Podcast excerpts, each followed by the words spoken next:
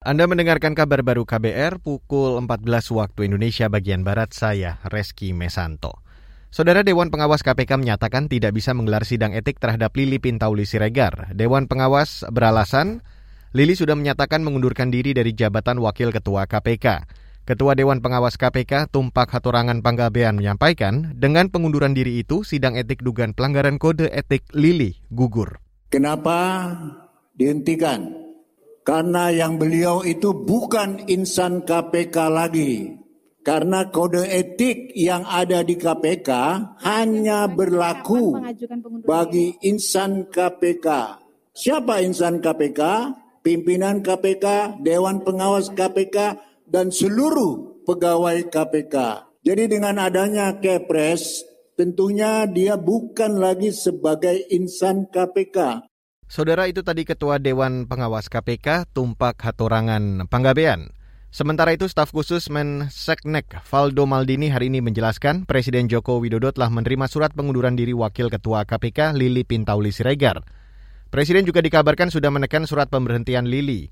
Lili Pintauli Siregar dilaporkan ke Dewan Pengawas KPK karena diduga menerima fasilitas akomodasi hotel hingga tiket menonton ajang balap MotoGP di Mandalika dari salah satu BUMN. Beralih ke berita selanjutnya, Saudara, Presiden Joko Widodo berencana berkunjung ke Cina akhir bulan ini. Kunjungan itu terkait rencana perpanjangan kerjasama bilateral pembangunan infrastruktur di Indonesia dan bertujuan mewujudkan Indonesia menjadi poros maritim dunia. Rencana kunjungan Jokowi itu disampaikan Menko Kemaritiman dan Investasi Luhut Binsar Panjaitan di hadapan seluruh delegasi Indonesia dan Cina dalam pertemuan di Bali. Dalam pertemuan itu Luhut didampingi Menteri Luar Negeri Retno Marsudi. Tak hanya ke Cina, Jokowi juga berencana mengunjungi Jepang pada akhir bulan ini. Kementerian Luar Negeri dalam keterangan tertulis menyebutkan rencana kunjungan itu sudah dibahas dalam pertemuan bilateral antara kedua Menteri Luar Negeri akhir pekan lalu di Bali. Saudara, Badan Kependudukan dan Keluarga Berencana Nasional atau BKKBN mendorong pencocokan data kependudukan untuk menghindari tumpang tindih. Deputi Bidang Pengendalian Penduduk BKKBN Bonavasius Prasetya mengatakan, saat ini data kependudukan masih terpusat di sejumlah institusi dan lembaga.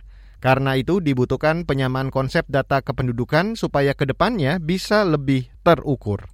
Kalau kita punya satu data kependudukan, maka rancangan yang kita lakukan nanti Sabang sampai Merauke sampai ke desa-desa itu akan sama. Tapi kalau masing-masing lembaga mempunyai data yang berbeda-beda, semua data betul.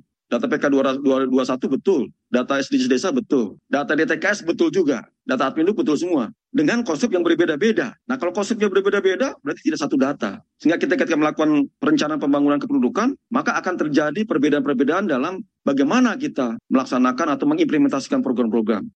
Deputi Bidang Pengendalian Penduduk BKKBN Bonavasius Prasetya menambahkan, Indonesia harus mengantisipasi perubahan populasi kependudukan yang berjalan sangat cepat. Sinkronisasi data kependudukan bisa mencegah berbagai dampak negatif, sekaligus memanfaatkan peluang terkait perubahan demografi. Hari ini seluruh dunia memperingati Hari Kependudukan. Tahun ini, tema yang diusung adalah dunia dengan 8 miliar orang memastikan hak dan pilihan untuk semua menuju ketahanan demografi. Terima kasih Anda sudah mendengarkan kabar baru yang dipersembahkan oleh kantor Berita Radio. Saya Reski Mesanto.